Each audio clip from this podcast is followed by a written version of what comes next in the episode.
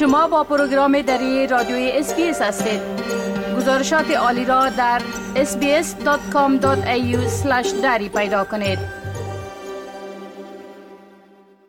هیچ درمانی در مورد اعتیاد بر قمار وجود ندارد. اما وقتی که خانواده و دوستان قماربازان دارای مشکل حمایت مناسب را به دست می آورند احتمال بیشتر موجود می باشد که آنها به بهبودیابی عزیزانشان کمک کنند. در استرالیا کمک به زبان شما موجود است.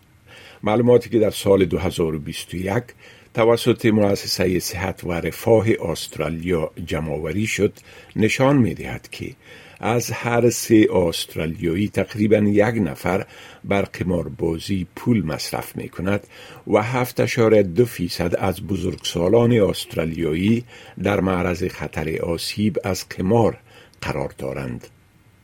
پیامدهای منفی قمار به اشکال مختلف از جمله آسیب مالی، قانونی و عاطفی به وجود می آید. این پیامدها نه تنها بر خود شخص بلکه بر خانواده و شبکه اجتماعی او هم تأثیر می گذارد. سالی گینزبری استاد روانشناسی در پوهنتون سیدنی توضیح می دهد که چرا ماهیت این اعتیاد می تواند رسیدگی به آن را دشوارتر بسازد. Gambling can be easily hidden both online and offline. It's often called the hidden addiction because you don't see it in someone's eyes or smell it on their breath if they have a gambling problem. Online gambling brings that to the next level by obviously being able to be physically in the home while gambling or doing it on a mobile device. So it does appeal to different people, particularly if it's online wagering. It has a somewhat of a different audience to poker machines. The harms are still the same and the financial costs are still the same. مشارکت در قمار در بین مردم دارای پیشینه های فرهنگی و زبانی متنوع بیشتر نیست اما تحقیقات نشان می دهد که آنها نسبت به عموم مردم در برابر آسیب قمار آسیب پذیرتر هستند و مشکلات بیشتر قمار را تجربه می کنند. ناتالی رایت مدیر دفتر قماربازی مسئولانه در نیو ساوت ویلز است او توضیح می دهد که فرهنگ یک شخص چگونه می تواند بر نگرش او در مورد قمار تاثیر بگذارد. Quite often, shame and stigma are really big barriers uh, help seeking in people from culturally and linguistically diverse communities. And often, that collectivist sort of culture means that the problem that they may be experiencing with gambling is not only individual, it reflects on the families. And the other issue is around counselling in many communities, a really foreign Western concept. So, there's often a notion that people want to keep things within the family. ادم یکی از ساکنین عربی تبار غرب سیدنی است. او از سال 2014 در حال بهبودی بوده است. نام و صدای او به خاطر پنهان نگه داشتن هویتش تغییر داده شده است. او می‌گوید که در فرهنگ شرق میانه به صورت عموم مشوره و کمک خواستن برای درمان یک اعتیاد به نظر بد دیده می شود. In general, in terms of Middle Eastern culture, counseling and seeking help is frowned upon, regardless of addiction. I think for me, like in terms of my immediate family, they were extremely supportive of me getting help when I wanted to be helped. Uh, my extended family was, how do I say it?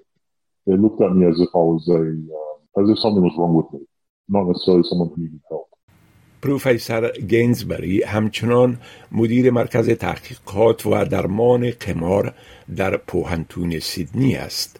او می‌گوید که در مورد درمان کردن این بسیار مهم است که از هدف قرار دادن قمارباز منفرد دارای مشکل فراتر رفت. Obviously, one aspect is to work with the individual to manage their own understanding of gambling and use of gambling as a coping strategy, but also to look at the dynamics of their environment. Uh, do they have support in terms of their recovery? Have they disclosed their gambling problem? Is their gambling problem impacting significant others? And how can we set them up for success by changing that environment? پروفسور گینزبری میگوید که بسیاری مردم گزینه های کمک رسمی را انتخاب نمی کنند. There's a lot of variation in terms of how people get support for gambling, and many people will look for informal support. So whether that be uh, a health practitioner or you know supports within the community, such as community leaders or religious leaders, or support within their family. This can be really helpful if it is appropriately provided. خیشاوندان یا دوستان مردمی که مشکلات قمار را تجربه می کنند هم متاثر می شوند و خود آنها نیز به کمک ضرورت می داشته باشند. در مورد ادم یکی از اعضای خانوادهش کمک مشورتی طلبید که در عوض برای همه مفید تمام شد.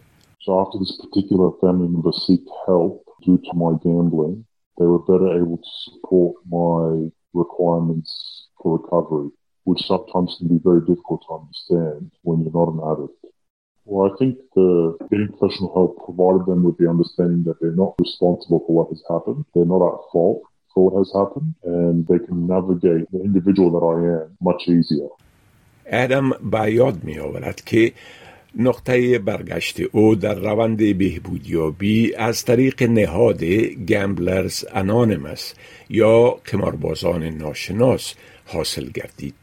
ادارات خدماتی مستقر در ایالت منابع و مشوره را از طریق تلفن، اینترنت یا حضوری فراهم می کنند.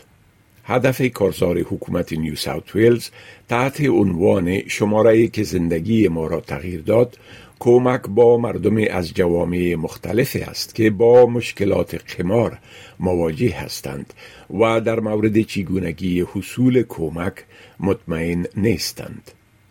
ناتالی رایت می‌گوید اولین محل تماس برای هر کسی که در نیو ساوت ویلز به کمک نیاز دارد نهاد مشورتی گمبل اویر است. مردمی که با خط کمک گمبل اویر به شماره 1800 858 858 تماس می گیرند این گزینه را دارند که از یک ترجمان استفاده کنند و با مشاوری که به زبانشان صحبت می کند مرتبط ساخته شوند. We actually provide counselling in upwards of 50 languages, so that is available for anyone in New South Wales. Family plays a really big part in supporting the person that is struggling with gambling, and our services also support their loved ones. You know, the importance of family, particularly in culturally and linguistically diverse communities, can't be understated. منابع حمایتی همچنان از طریق وبسایت گمبل اویر که به چندین زبان ترجمه شده است قابل دسترس می باشد. مشوره می تواند به هر دوی مشکلات عاطفی و مالی که محیط نزدیک یک قمارباز دارای مشکل را متاثر می سازد رسیدگی کند.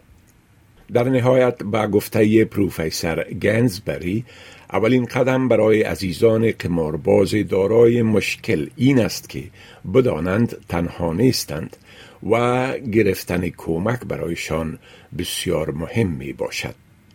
برای کمک به National Gambling Helpline با شماره 800 858 858 یا National Debt Helpline با شماره 800 007 007 یا Lifeline با شماره 13 11 14 زنگ بزنید. بپسندید، شریک سازید و نظر دهید. SBS دری را در فیسبوک تعقیب کنید.